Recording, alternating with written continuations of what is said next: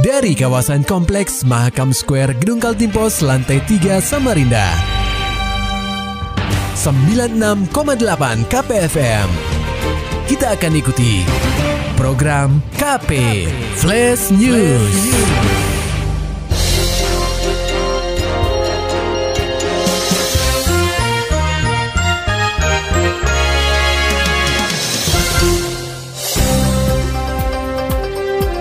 Anda sedang menyimak program KP Flash News bersama saya Agung Pratama. Pendengar KP, remaja 19 tahun bobol bengkel otomotif di Jalan Mugirejo. Laporan selengkapnya akan disampaikan reporter KPFM Samarinda, Muhammad Nur Fajar. Pendengar KP, untuk kedua kalinya, remaja 19 tahun berinisial AA harus berurusan dengan pihak berwajib.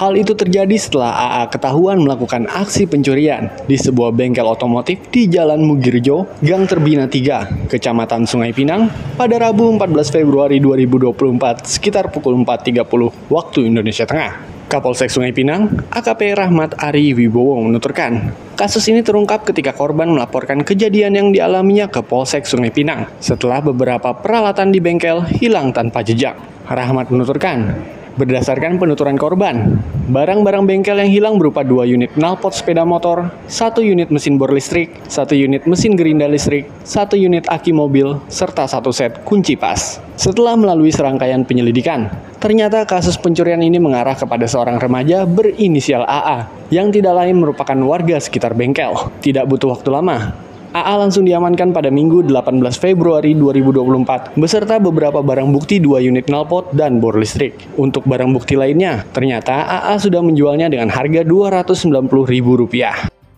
sudah dijual. Yang dicuri itu di antaranya adalah mm. uh, sebentar uh, knalpot dua unit, mm -hmm. kemudian uh, bor bor listrik, mm -hmm.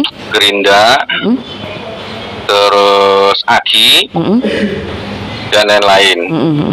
Yang sekarang yang diamankan adalah dua unit uh, knalpot sama uh, bor, listrik. Uh, bor bor listrik ya, bor listrik ya. Mm-hmm. Yang lainnya sudah terjual.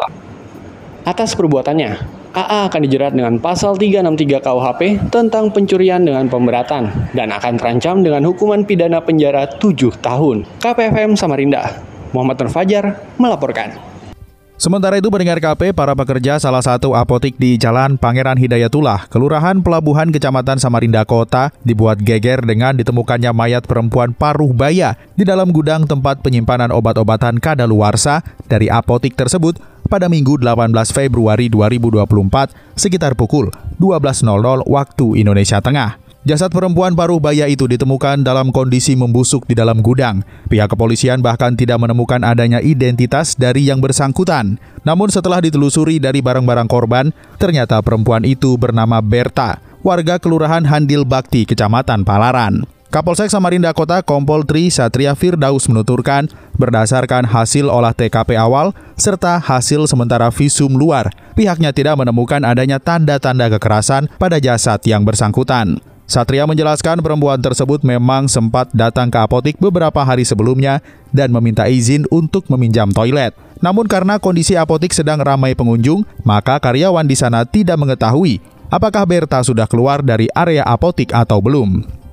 Kalau ya kalau informasi sementara, mm -hmm. kalau keterangan dari pegawai salah satu saksi kita ambil keterangan, mm -hmm. memang pada waktu tanggal berapa itu dia memang ada datang ke situ, terus dia mau izin ke belakang katanya. Oh, cuma setelah itu nggak ada diperhatikan lagi ya? Dia. habis itu nggak diperhatiin lagi karena kan uh, orang datang ke kimia Pema kan banyak. Uh, uh, ramai. Jadi kan nggak diperhatiin orang yang, yang ada ke belakang ke belakang ke toilet udah balik atau belum gimana kan oh. kan dia nggak tahu.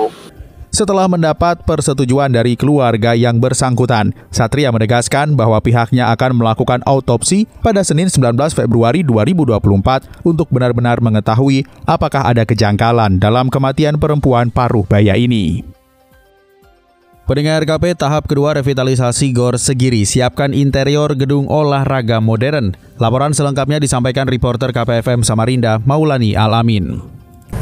Pendengar KP, Wali Kota Samarinda Andi Harun mengatakan revitalisasi Gor Segiri telah mendapat persetujuan dari pihak terkait setelah melalui beberapa kali revisi desain. Sekarang bentuk bangunan yang didirikan pada tahun 1970-an itu terlihat sangat modern, lengkap dengan ornamen dan arsitektur yang kekinian. Tahap pertama revitalisasi gedung olahraga tersebut mengeluarkan anggaran sebesar 88 miliar rupiah. Proyek ini bertujuan untuk meningkatkan kualitas dan kuantitas fasilitas olahraga di Samarinda, sekaligus menciptakan sumber pendapatan baru bagi daerah. Andi Harun memaparkan tahap selanjutnya dari proyek revitalisasi ini adalah pembangunan Sport Hub, yakni gedung multifungsi yang akan menampung kolam renang untuk masyarakat, fasilitas fitness, dan area driving range untuk golf.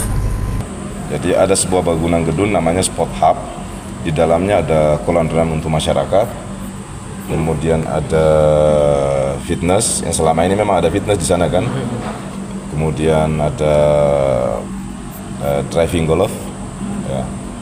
Selain sebagai sarana hiburan dan olahraga masyarakat juga menjadi eh, apa eh, akan kita maksudkan sebagai untuk menambah pendapatan asli daerah. Proyek revitalisasi Gor Segiri diharapkan selesai pada akhir tahun ini. Dengan demikian, Samarinda akan memiliki gedung olahraga yang lebih representatif dan mampu menarik minat masyarakat untuk berolahraga. KPFM Samarinda, Maulani Alamin melaporkan. Maulani Alamin, Muhammad Nur Fajar, KPFM Samarinda. Serta dapatkan berita-berita selengkapnya di www.968kpfm.co.id. Demikian tadi telah kita simak rangkaian berita-berita yang terangkum dalam program KP Flash News. Persembahan dari 96,8 KPFM. Terima kasih dan sampai jumpa.